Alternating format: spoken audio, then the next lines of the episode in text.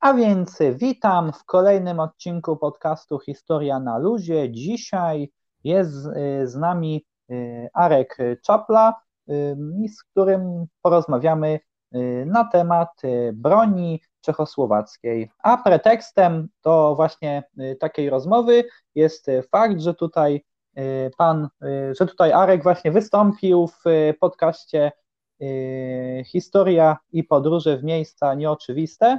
Opowiadał również o broni czechosłowackiej. No i po odcinku mojego podcastu, no poszerzymy po prostu ten temat. Witam. Witam, witam wszystkich, witam Cię, witam cię Remku. Tak, tak jak, tak jak powiedziałeś, wystąpiłem jakiś czas temu w gościnnie w podcaście prowadzonym przez mojego kolegę. Rozmawialiśmy tam tak po prostu dość ogólnie o czechosłowackiej broni w II wojnie światowej, głównie tej broni używanej przez Wehrmacht w takim ogólnym kontekście. Natomiast, tak wspomniałeś, tym razem chcieliśmy to trochę uszczegółowić, skupiając się na tej niemie, na czeskiej broni pancernej, czeskich czołgach okresu międzywojennego. Warto by, warto by też właśnie powiedzieć, w, właśnie w jednego baza przemysłowa. Wiesz to, to przede wszystkim trzeba sobie uzmysłowić e, jedną podstawową e, sprawę i tak było te 100 lat temu i tak jest e, de facto nadal, może troszeczkę już w mniejszym stopniu, ale prawda jest taka, że żeby zbudować, skonstruować własny czołg, wdrożyć go do produkcji, to jest to możliwe tylko dla takich krajów, które mają odpowiednie zaplecze.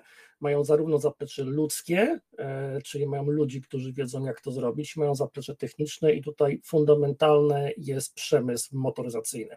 Jeżeli spojrzymy na to, kto budował własne konstrukcje pancerne, własne czołgi, e, w okresie e, początku rozwoju tej broni, czyli tam w okresie powiedzmy międzywojennej, no to tak naprawdę to są Francuzi, którzy już mieli przecież wtedy przemysł motoryzacyjny, to są Brytyjczycy, to są oczywiście Niemcy, Amerykanie, są to też y, Rosjanie, a dokładnie Związek Radziecki, ale to jest zupełnie inna historia. To, to jest y, kraj, który się wymyka takim normalnym klasyfikacjom. Zresztą y, mamy to do dzisiaj, tak? Kraj, który buduje atomowe okręty podwodne, a nie potrafi wyprodukować własnego smartfonu albo bezwładnościowych pasów bezpieczeństwa do samochodu. No to jest inna historia. No i tutaj też pojawiają nam się Czesi. No, Czechosłowacja, która powstała w wyniku rozpadu Austro-Węgier po I wojnie światowej, ale tak naprawdę, bądźmy szczerzy, ten przemysł ciężki był zlokalizowany w Czechach i Morawach, dlatego ja będę używał sformułowania czeska broń, czeskie czołgi, bo tak naprawdę to była czeska myśl konstrukcyjna. I Czechy do dzisiaj e, są krajem, który posiada przecież znakomity przemysł motoryzacyjny. Zacznijmy przecież od firmy e, Szkoda, która powstała w 1859 roku w Pilźnie jako zakłady metalowe i była już przed I wojną światową jednym z największych zakładów metalowych Austro-Węgier. E, a pod koniec XIX wieku w miejscowości Mlada Bolesław dwóch ludzi o nazwiskach Laurin i Klement założyła firmę produkującą rowery, później motocykle w, ty, w 1901 roku oni zbudowali swój pierwszy prototyp samochodu i w 1925 roku z powodów finansowych połączyli się ze Skodą. I dzisiaj takie e, topowo wyposażone modele, na przykład Skody Super, mają określenie właśnie Laurin and Clement, to jest, e, to jest od nazwisk tych, tych dwóch ludzi, którzy byli, można powiedzieć, założycielami tej części motoryzacyjnej Skody, bo pamiętajmy, że Skoda do dzisiaj to jest nie tylko część motoryzacyjna, która jest w tej chwili w Volkswagenie, ale to jest również, e, to są potężne zakłady metalowe produkujące na przykład y, bardzo dobre turbiny do elektrowni. No i jeszcze jest marka Tatra, która też mniej więcej sięga korzeniami do, do, do połowy XIX wieku i która wyprodukowała swój pierwszy samochód w 1897 roku. Nam się Tatra dzisiaj będzie bardziej kojarzyła z ciężarówkami ale Tatra była przed wojną i jeszcze po wojnie producentem luksusowych samochodów osobowych. No i teraz widzisz, e, o czym mówimy, tak? Ta e, Czechy, e, powstając jako państwo, jako Czechosłowacja, po I wojnie światowej oni weszli w ten okres międzywojenny z, ze własnym przemysłem motoryzacyjnym. Jak masz przemysł motoryzacyjny, to wiesz jak zbudować silnik, wiesz jak zbudować przeniesienie napędu, zbudujesz czołg. No właśnie, tak. Zgadza się właśnie. Wtedy, wtedy po prostu Czesi właśnie dzięki temu, że mieli przemysł motoryzacyjny, mogli też tutaj się zbroić. Nie? Tak, mogli się zbroić, ale też e, wielkość e, tego przemysłu, ich moce produkcyjne były takie, że oni nie tylko byli w stanie dostarczyć e, uzbrojenie dla swojej własnej armii, ale byli w stanie jeszcze je eksportować. I Czechy były już w okresie międzywojennym jednym z większych eksporterów broni i zresztą tym eksporterem broni pozostały do dzisiaj. I tak naprawdę e, oni zaczęli dość wcześnie, można powiedzieć, rozwijać swoje własne konstrukcje, mm, e, swoje własne konstrukcje czołgowe. Zaczęli w 24 roku od prototypu takiego lekkiego czołgu kołowo-gąsienicowego KH-50. To nie było specjalnie udane, tam były chyba dwa prototypy i jakaś bliżej nieokreślona krótka seria wycofali to w 1935 roku. Były wtedy takie pomysły w tym okresie rozwojów, rozwojów broni pancernej, właśnie jak czołgi kołowo-gąsienicowe, czyli taka koncepcja, że po drodze utwardzonej ten czołg miał się poruszać na, normalnie na trakcji kołowej, jak samochód, a w terenie miał się poruszać e, na gąsienicach. E, I to był ich pierwszy, pierwszy taki produkt ich własny. Natomiast wystartowali już tak na szerszą skalę w 1930 roku, kupując z Wielkiej Brytanii e, trzy egzemplarze tankietki Vickers Cardin Lloyd Mark VI i to jest dokładnie ta sama tankietka, która była bazą zbudowania naszych tankietek e, TK.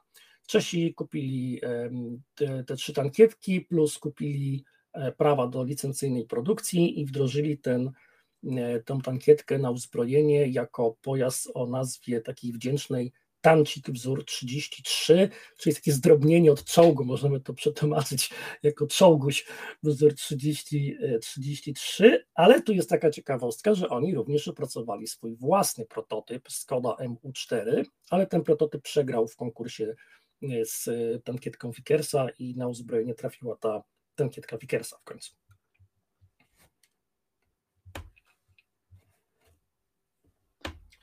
Dalej, e, dalej, no. Tak. E, I dalej, dalej Czesi, e, można powiedzieć, że poszli trochę jeszcze torem e, tego, tego produktu, bo zbudowali na bazie tej doświadczeń tej tankietki, na jej podwoziu taki czołg, który nazywał się AH-4. Mm, on nie wszedł na uzbrojenie czechosłowackiej armii. To była taka lekka konstrukcja. No nie wszedł między innymi dlatego, że Czesi już wtedy opracowali swoje lepsze konstrukcje Natomiast ten czołg był produkowany na eksport i to jest właśnie to, co mówiłem, że oni to tak naprawdę sporo tej broni mm, eksportowali.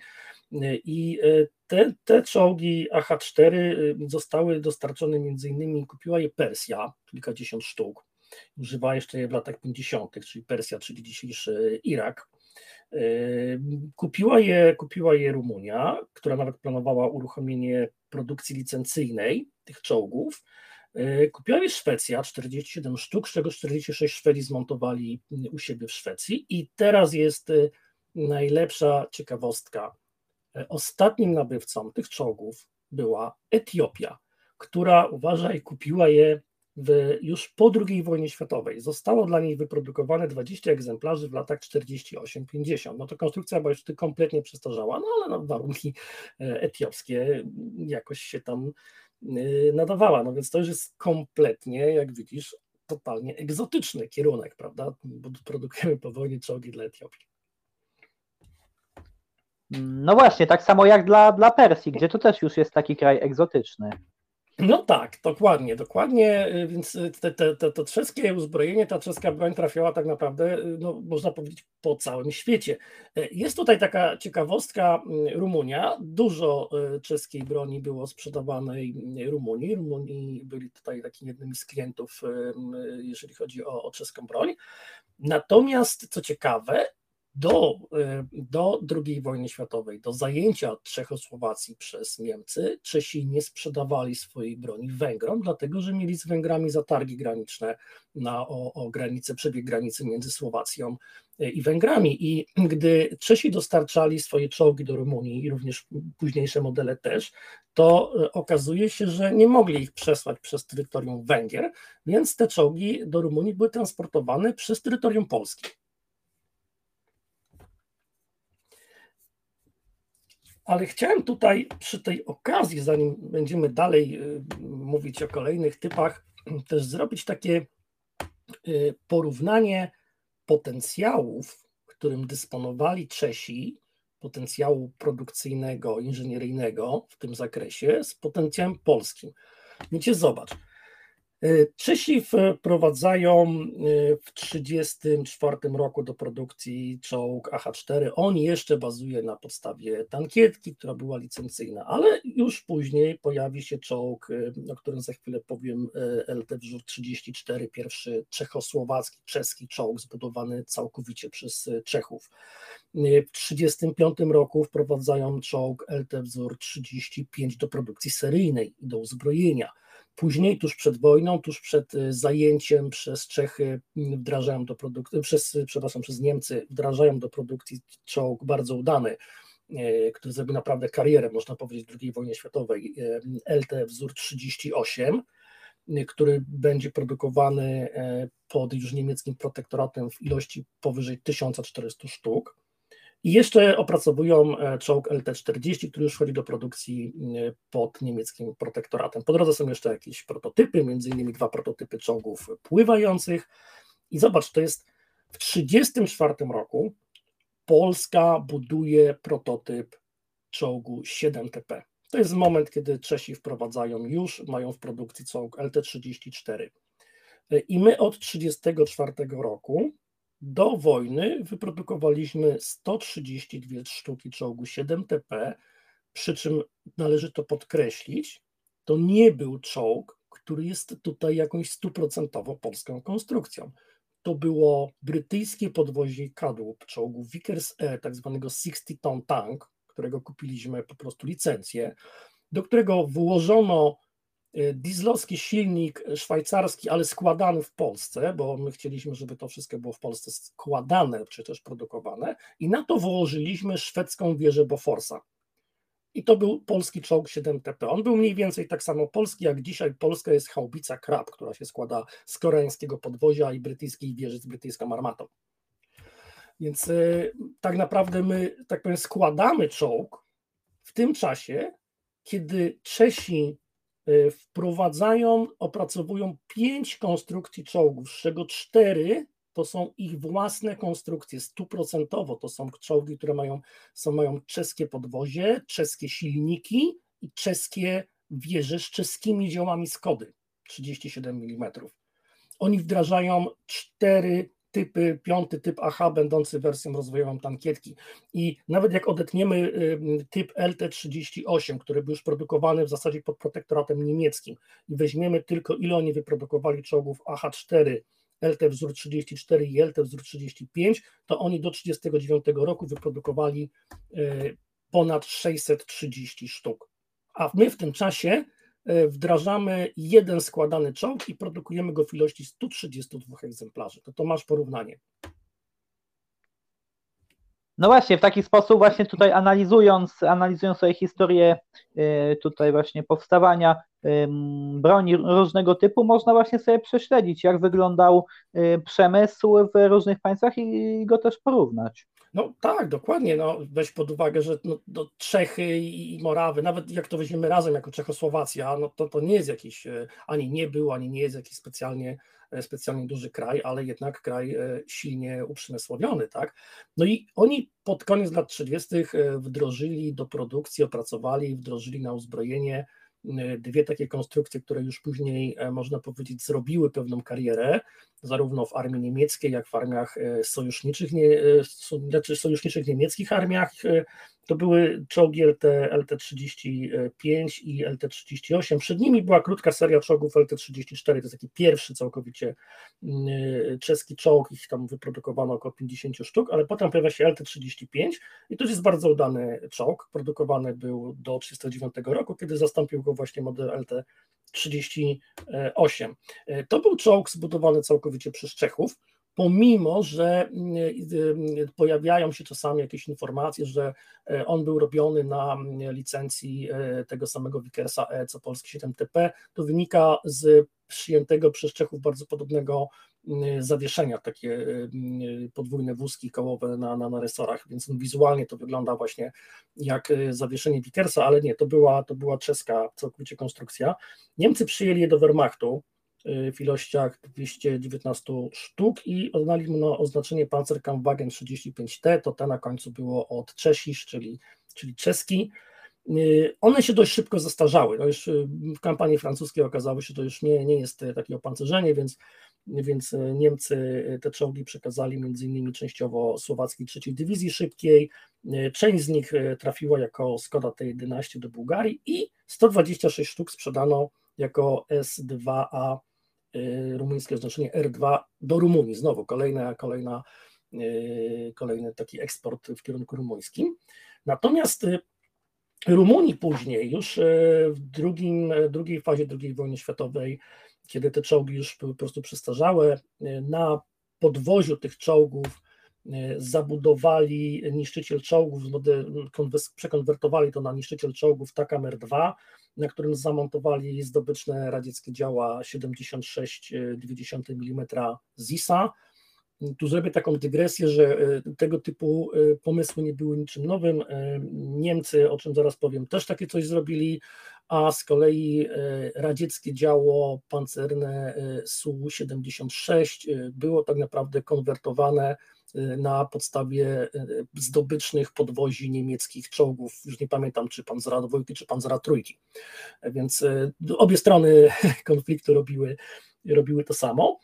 Natomiast te, taką ciekawostką jest to, że to jest też czołg, który trafił na Węgry, no bo już pod protektoratem niemieckim, jako protektorat Czech i Moraw. E, Węgry były sprzymierzeńcem e, Niemiec w czasie II wojny światowej i czescy inżynierowie rozwijali tą konstrukcję tego czołgu LT-35, budują, chcieli z tego zbudować, na, na tej bazie zbudować czołg średni. Powstał prototyp, który nazywał się S2C, skonstruowany, uważaj, w 1940 roku, czyli wojna już trwa w najlepsze, a Czesi sobie dalej Niemcy na to pozwalają, rozwijają swoje konstrukcje. I ten prototyp został przekazany czy sprzedany Węgrom razem z dokumentacją. Węgrzy na tej podstawie zbudowali sobie swój czołg M40 Turan 1, potem był jego modyfikacją, był w użyciu do końca wojny. Zrobili też na tej bazie haubicę szturmową, to się nazywał M43 z linii 2 ze 105 mm działem, to można by powiedzieć taki węgierski E, Sturmgeschütz sztuk to bardzo, bardzo podobna koncepcja jak tych, jak tych mm, niemieckich sztuków. I ten czołg generalnie y, dość tak już, już, już zrobił troszkę mm, pewnej, e, pewnej kariery, może, może mniej w armii niemieckiej, bardziej właśnie w armii rumuńskiej, e, jego wersje rozwojowe w armii, armii węgierskiej to też taka E, może być dla niektórych e, zaskakująca informacja, że Węgrzy produkowali swoje własne czołgi. Tak, produkowali. Turan akurat nie był jedyną węgierską konstrukcją w czasie II wojny światowej.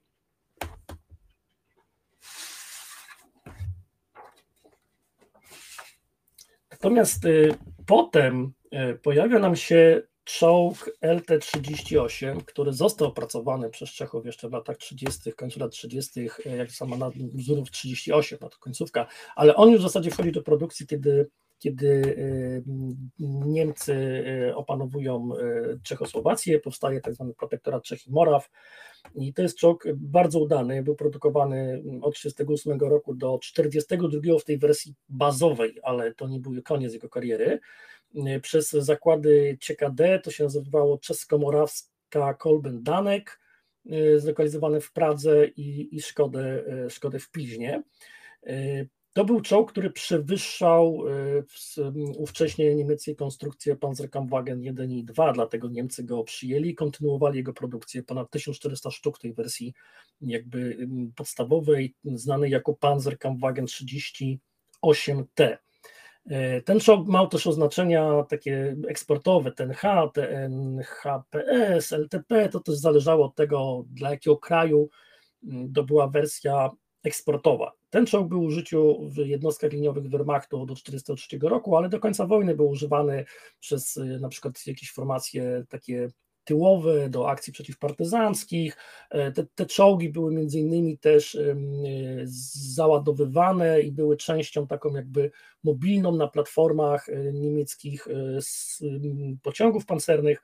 Natomiast ten czołg był też niezłym sukcesem eksportowym i to sukcesem eksportowym w okresie już II wojny światowej.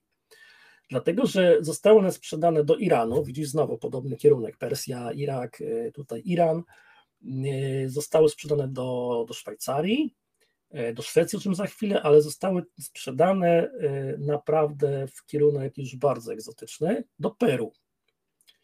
I te czołgi pod oznaczeniem LTP peruwiańskie, wzięły udział w wojnie peruwiańsko-ekwadorskiej w 1941 roku, tam się takie coś wydarzyło, ja, mało kto o tym w ogóle wie, że tam był jakiś konflikt, no wiadomo, świat żył wtedy II wojnę światową e, i były używane aż do 1988 roku. Peruwiańska armia jeszcze w latach 80. wykorzystywała je do takich akcji przeciwko partyzance organizacji Świetlisty Szlak, więc e, no to jest po prostu niezła nie, nie historia, czeskie czołgi trafiają do Peru, E, Szwedzi e, kupili w latach 42-43 e, 116 sztuk. Znaczy one były oryginalnie zamówione w 1940 roku, wyprodukowane, dostarczone Szwedom w latach 42-43.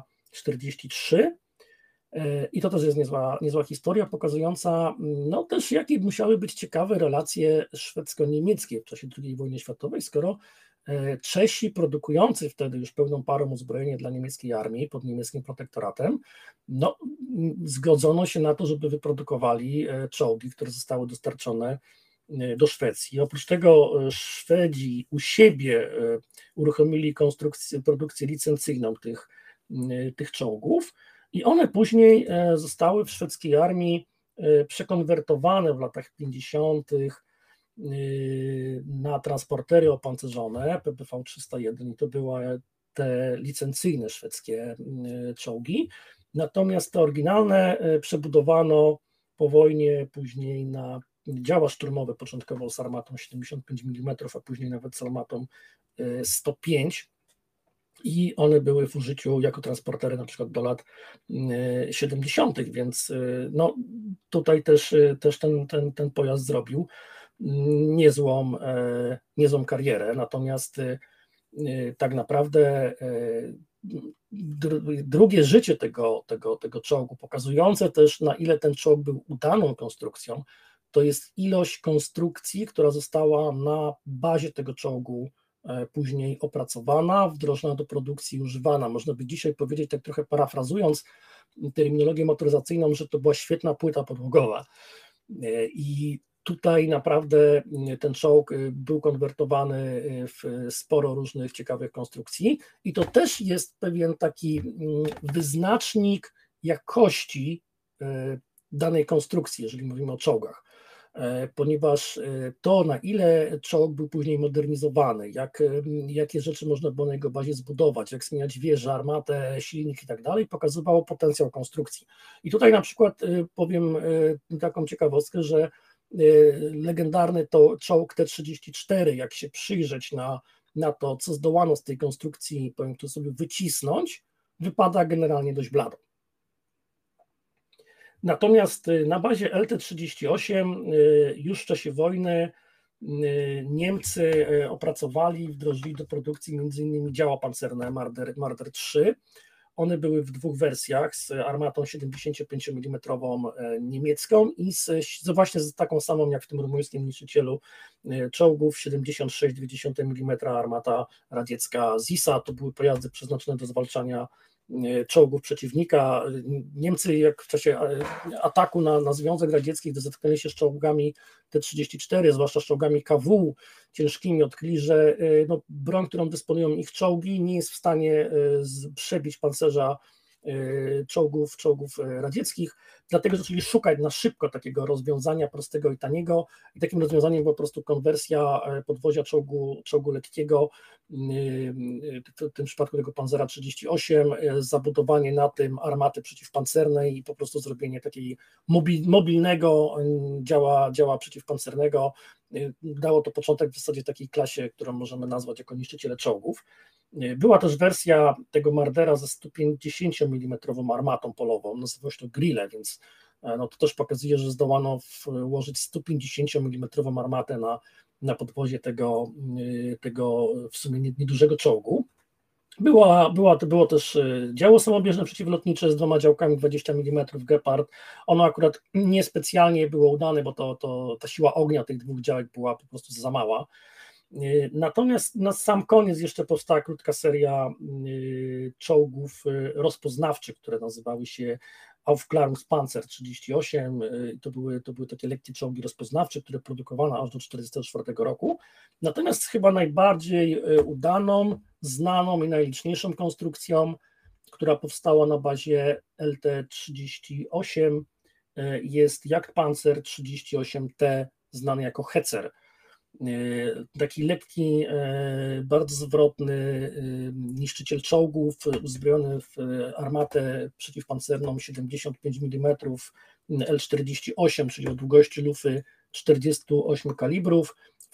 W przypadku, w przypadku działu w ten sposób mierzy się długość lufy. Nie podaje się jej po prostu w jakiejś miarze typu milimetry, centymetry, tylko po prostu podaje się ilość kalibrów, czyli Ilość kalibrów to jest jako długość lufy, czyli w przypadku, jeżeli mamy armatę 75 mm o długości 48 kalibrów, to długość lufy to jest 48 razy 75 mm. Tak to było mierzone. To był bardzo udany pojazd o bardzo niskiej sylwetce, pochylone płyty pancerza ze wszystkich stron, więc mimo, że ten pancerz może nie był e, jakiś bardzo gruby, był raczej słabo, natomiast e, to pochylenie zwiększało jego odporność, natomiast był bardzo mobilny, łatwo było go po prostu zamaskować, gdzieś schować.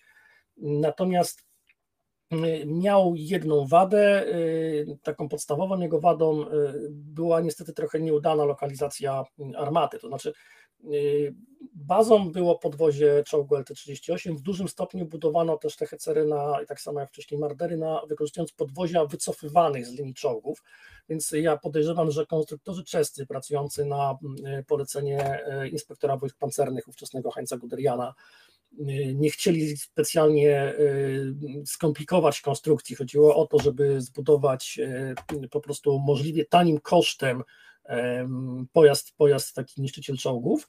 Y, więc kierowca był, kierowca był usadowiony z lewej strony, tak klasycznie jak, jak powiedzmy w, samochodach na kontynencie europejskim. Y, więc y, armatę wsadzono po stronie do kadłuba, po stronie prawej. Sęk tylko w tym, że ładowniczy też był po lewej, a armata miała tak ustawiony zamek, że ładowanie odbywało się z prawej strony.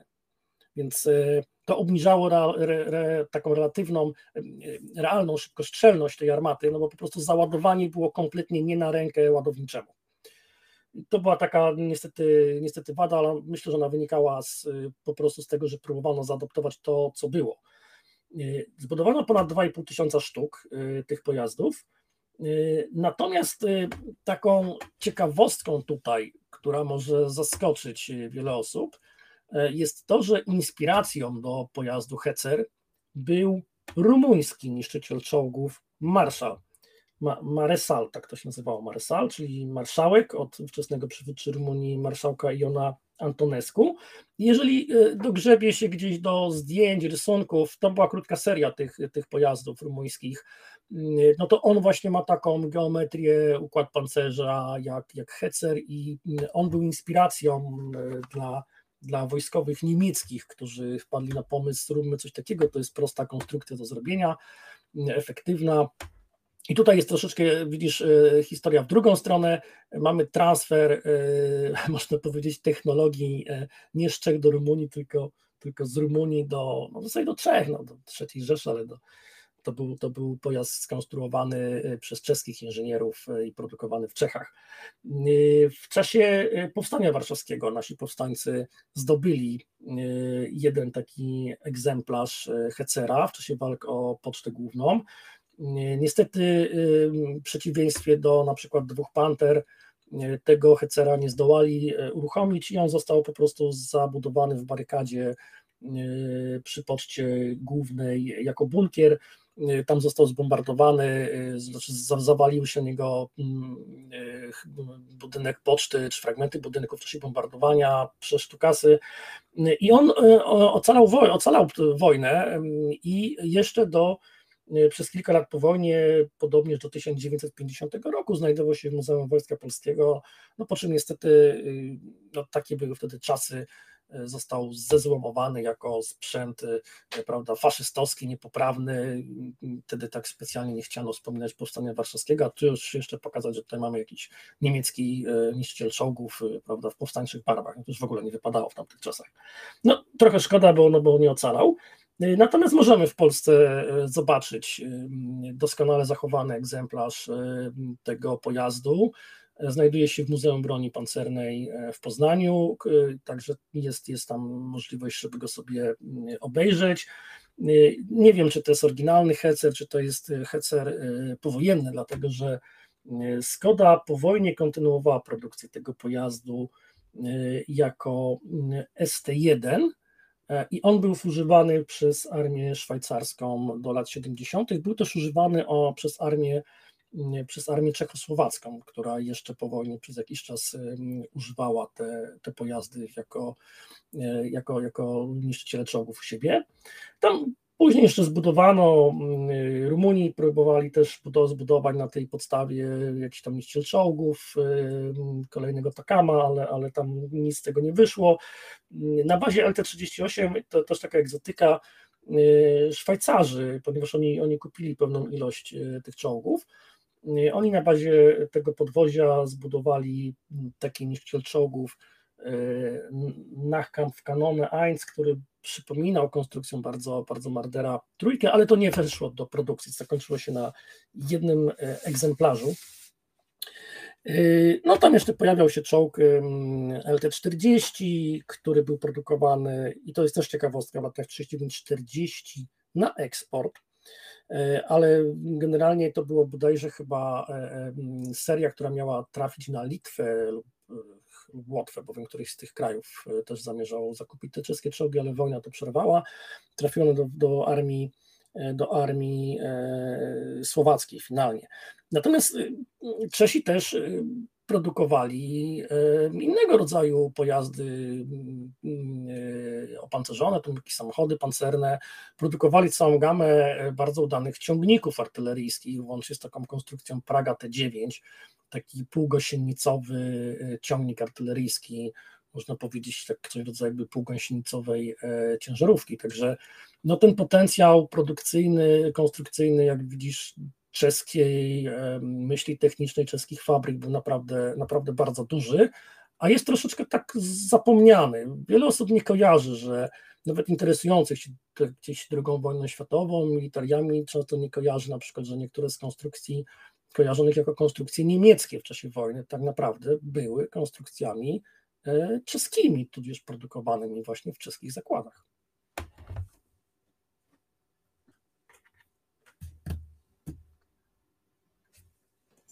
No właśnie, wydaje mi się też, że w ogóle poruszamy dzisiaj taki mniej znany tutaj epizod, jeżeli chodzi o uzbrojenie, no bo często się mówi o e, tutaj mm, w ogóle broni brytyjskiej, francuskiej, a właśnie mniej mówi się o broni właśnie tutaj na przykład mm, czechosłowackiej, no nie wiem, bułgarskiej na przykład, czy, czy jakiegoś jeszcze tutaj innego e, kraju, na przykład chorwackiej, dajmy na to.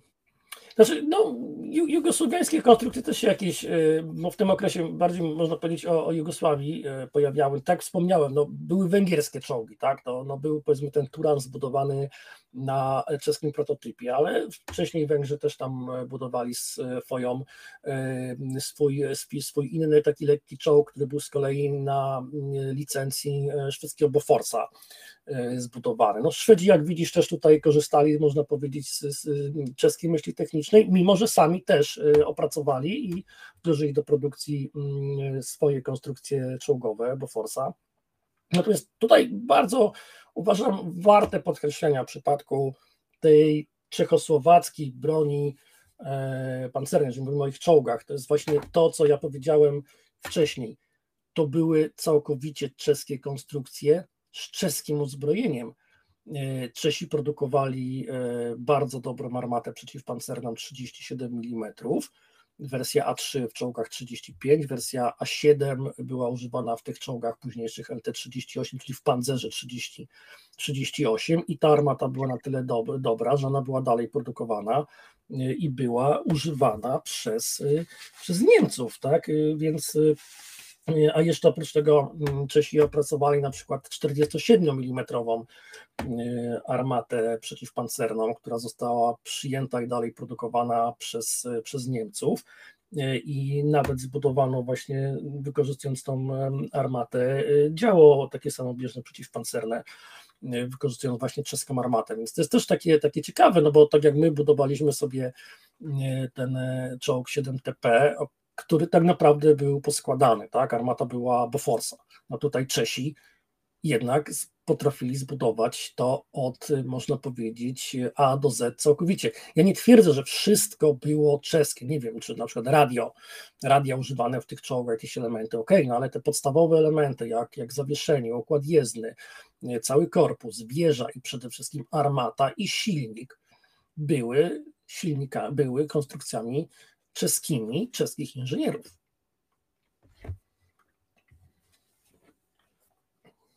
No właśnie, tak, zgadza się. Więc y, tutaj, y, no wiesz, no, tam jak, jak to w tym podcaście, o którym wspomniałem wcześniej, mówiliśmy, no też były, były inne, inne obszary, y, gdzie Czesi też, też byli nieźli, tak, no, produkowali naprawdę niezłą, niezłą artylerię i tutaj też byli jej eksporterem, no może trochę gorzej tam to wyglądało z, z samolotami, natomiast no, no tak, to, tak to wyglądało i mm, trochę, trochę tego czeskiego uzbrojenia e, wzięło udział e, w II wojnie światowej. No, głównie te pojazdy były używane przez Wehrmacht w kampanii, tak mówimy głównie o tych, e, tych czołgach Panzer 35, Panzer 38, były wykorzystywane w kampanii francuskiej, później w, w walkach w Związku Radzieckim, no już y, później na froncie zachodnim, no to praktycznie nie, no bo to już y, wiesz, 44, 45 rok, tych, tych pojazdów już Wehrmacht w ogóle nie używał. Używał oczywiście z pojazdami takimi jak Hecer y, czy Marder potykali się pancerniacy i żołnierze amerykańscy, brytyjscy czy, czy kanadyjscy, polscy na froncie zachodnim, bo one oczywiście tam brały udział. Y, któryś z, nie pamiętam, czy, czy, czy, czy, czy właśnie Panzer 38, czy Panzer 35 y, nawet został zdobyty, on musiał być wykorzystywany pewnie, wiesz, na jakieś tam siły okupacyjne we Francji, został bodajże nawet zdobyty przez, y, przez armię amerykańską, gdzieś jeszcze jakieś takie drugoliniowe formacje niemieckie, czy tam formacje żandarmerii mogły, mogły używać tak mi się skojarzyło, y, nie wiem, czy ty pamiętasz taki serial y, brytyjski Alo Alo, taki prześmiewczy sposób pokazujący francuski ruch oporu i okupację we Francji i tam y, jedną z postaci był niemiecki oficer, który miał taki swój mały czołg i tak się zastanawiać, czy tutaj właśnie to nie jest taka historia, że, że ten mały czołg to się wziął z tego, że on tam właśnie miał jakiś, jakiś poczeski, poczeski mały czołg, można by było to sprawdzić.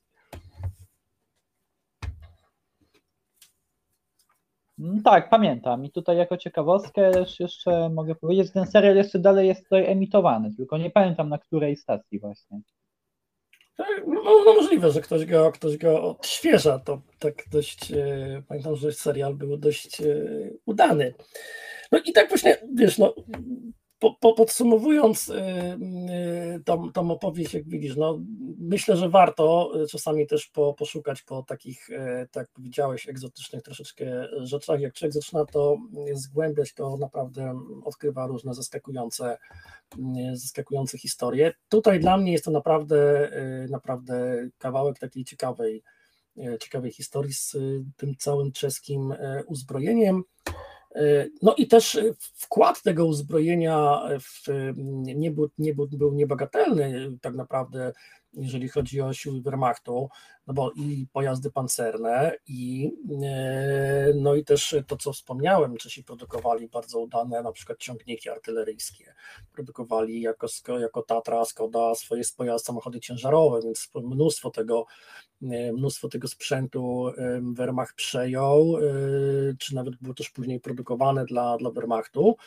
E, dlatego że Wehrmacht tak naprawdę nie był wcale taką super zmechanizowaną armią, e, jak wszyscy w to wierzą. To później e, tak naprawdę propaganda, oni dobre filmy propagandowe kręcili i te wszystkie kroniki filmowe niemieckie stworzyły taki stereotyp, w który mnóstwo ludzi wierzy, że Wehrmacht to, to była zmotoryzowana, zmechanizowana armia, super blitzkrieg, prawda, we Francji. Prawdą jest taką, że podstawowym pojazdem pociągowym armii niemieckiej aż do 1945 roku był koń, tak naprawdę, i wóz konny.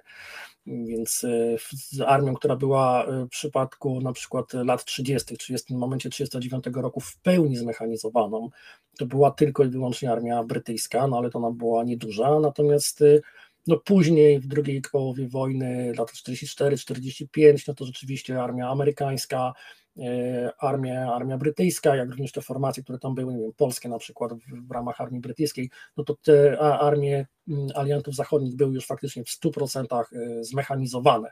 Ale na przykład Armia Czerwona też nadal do końca wojny nie była armią e, stuprocentowo zmechanizowaną. No a Czesi przez cały okres wojny, te czeskie zakłady produkowały, produkowały zarówno te swoje konstrukcje, jak tego, jak tego Hecera na przykład na bazie swojego tam LT-38, ale produkowali również e, sprzęt dla niemieckiej armii, produkowali e, komponenty dla czołgów takich jak Pantera czy Tygrys, więc tutaj mieli, mieli swój wkład, no ale to, to, to już powiedziałem, potencjał nim czeskiego przemysłu motoryzacyjnego, czeskiego przemysłu metalowego był w latach 30. bardzo duży, no i do dzisiaj to zostało, no bo jednak e, takie marki jak Skoda czy Tatra funkcjonują do dzisiaj i mają się bardzo dobrze. Właśnie, no i to też pokazuje, że aby, aby zrozumieć to, co, aby zrozumieć właśnie teraźniejszość, trzeba też poznać przeszłość. No, no tak, oczywiście, oczywiście, że, oczywiście, że tak. To ja zawsze mówię, że nie można rozmawiać o, o teraźniejszości i przyszłości, nie znając e, przeszłości, jak najbardziej. To masz absolutną, e, absolutną tutaj, e, tutaj rację. I tak naprawdę, jak się temu przyjrzeć, to te mechanizmy się, zobacz, powtarzają. Tak? No jeżeli spojrzymy na przykład również na stan obecny, no to to, co ja powiedziałem na początku, funkcjonuje dalej. Które kraje są w stanie E, opracować, zbudować, wdrożyć od podstaw własny czołg podstawowy dzisiaj, tak? Stany Zjednoczone, Francja, Wielka Brytania, Korea, teraz, tak, o dziwo, przy dużej pomocy amerykańskiej, no ale też no, oni zdołali sobie przez ostatnie 50 lat zbudować swój przemysł y, motoryzacyjny i przemysł metalowy, tak. No, oczywiście mamy tutaj, y, mamy tutaj e, Rosję, ale to, co powiedziałem wcześniej, to się wymyka normalnej klasyfikacji. To, to, to jest zupełnie inna, e, inna historia. Więc takich ciekawostek można jeszcze znaleźć, e, można znaleźć jeszcze, jeszcze kilka, jeżeli mówimy o, o militaria właśnie II wojny światowej, e, czy to w zakresie broni pancernej, czy to w zakresie na przykład lotnictwa. Tutaj też się pojawiają e, na przykład konstrukcje, które były budowane przez kraje, które byśmy o to na przykład nie posądzali. Natomiast w przypadku czechosłowackiej broni to troszeczkę też jest tak, że my po prostu Y, w Polsce y, patrzymy troszeczkę tak na te Czechy, na tą Czechosłowację z punktu widzenia takiej troszeczkę y, powiedzmy wyższości, jakiś tam mały kraj, po drodze do Austrii przejeżdża się go 2,5 godziny, Aczkolwiek równocześnie przy tym całym spojrzeniu wszyscy lubimy samochody marki Skoda, tak, i są one w Polsce popularne i cenione, ale tak troszeczkę jest, że u nas dominuje taka narracja, że Polska znajduje się pomiędzy Niemcami na zachodzie, a, a Rosją na wschodzie i tak było zawsze. I my gdzieś po prostu w całej tej narracji w ogóle zapominamy, że mamy południowego sąsiada. No pojawiają się nam jeszcze sąsiedzi północni w postaci Szwecji, e, bo nas napadli e, i zrujnowali, natomiast te, te, te, te Czechosłowacja to tam gdzieś jest za tymi górami na południu i w ogóle e, generalnie troszeczkę ją ignorujemy, stąd myślę, że może też taka świadomość, że że oni produkowali e, i potrafili skonstruować własne, naprawdę bardzo udane konstrukcje e, czołgowe w latach 30. E, nie jest taka nie jest taka powszechna, tak? My tutaj opiewamy to, co powiedziałem, nasz czołg 7TP. Możemy podyskutować kiedy indziej, czy to była udana konstrukcja, czy nie. Jest tutaj więcej, bym powiedział, takiego obreklamowania tego pojazdu, niż tak naprawdę było to takie udane. To jest moja akurat opinia. Y, natomiast to, co podałem jako porównanie, tak, my po prostu przez ten czas, kiedy ledwo wyprodukowaliśmy te 100 parędziesiąt czołgów, to Czesi wyprodukowali 5 razy więcej, opracowali 4 modele, następne, tak powiem, już w fazie prototypów, więc nie, nie ma naprawdę tutaj porównania. Właśnie, no i tu chciałbym zapytać, czy jeszcze, no chciałbyś coś dodać na koniec? No, myślę, że chyba wyczerpałem temat. Yy, chyba wyczerpałem temat. No, taka, taka yy, może podsumowanie jest takie, że no niestety po II wojnie światowej yy, system komunistyczny, nadzór Związku Radzieckiego tą sferę w Czechach troszeczkę zabił. Znaczy oni nadal są ogromnym producentem broni i eksporterem broni, ale już nie w obszarze broni pancernej.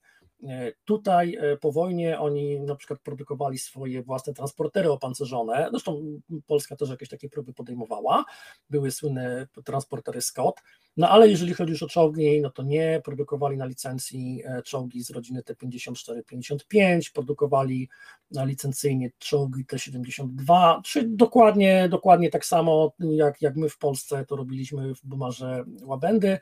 Tutaj już nie, nie było takiego pola, żeby, żeby Czesi mogli dalej rozwijać e, swoją myśl, swoje konstrukcje pancerne, no ale to wynikało już niestety z tego systemu politycznego, po prostu y, w systemie socjalistycznym Układu Warszawskiego po prostu nie było na to miejsca, tak? No nie było możliwości, żeby jakiś kraj bratni socjalistyczny wpadł na pomysł zbudowania własnego czołgu, nie, on musiał po prostu używać jedynego słusznego, najlepszego sprzętu produkcji radzieckiej.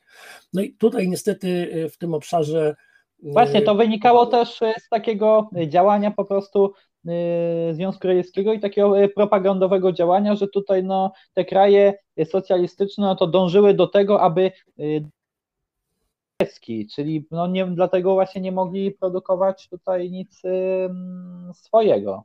No tak, to, to było nawet wręcz w taki sposób podzielone, że wiesz, jedne kraje mogły produkować na przykład tego rodzaju, załóżmy samoloty, drugie te, my na przykład mogliśmy produkować tylko samoloty, samoloty rolnicze przykładowo, tak, więc no, tu niestety, niestety ta, ta myśl, można powiedzieć, ten cały rozwój już później nie, nie, nastąpił w okresie powojennym, no, może i szkoda, szkoda tego, dlatego że no, widać, że to, co czescy inżynierowie potrafili pokazać tuż przed wojną, to naprawdę były bardzo udane konstrukcje i myślę, że gdyby mieli tak powiem wolną rękę e, przez te następne 60-70 lat po wojnie, to być może dalej byliby e, w grze na rynku jako producent sprzętu, sprzętu takiego ciężkiego pancernego. No tak to niestety nie są, ale dalej pozostali jednym z czołowych producentów y, między innymi broni strzeleckiej, bardzo dobrej i są tutaj,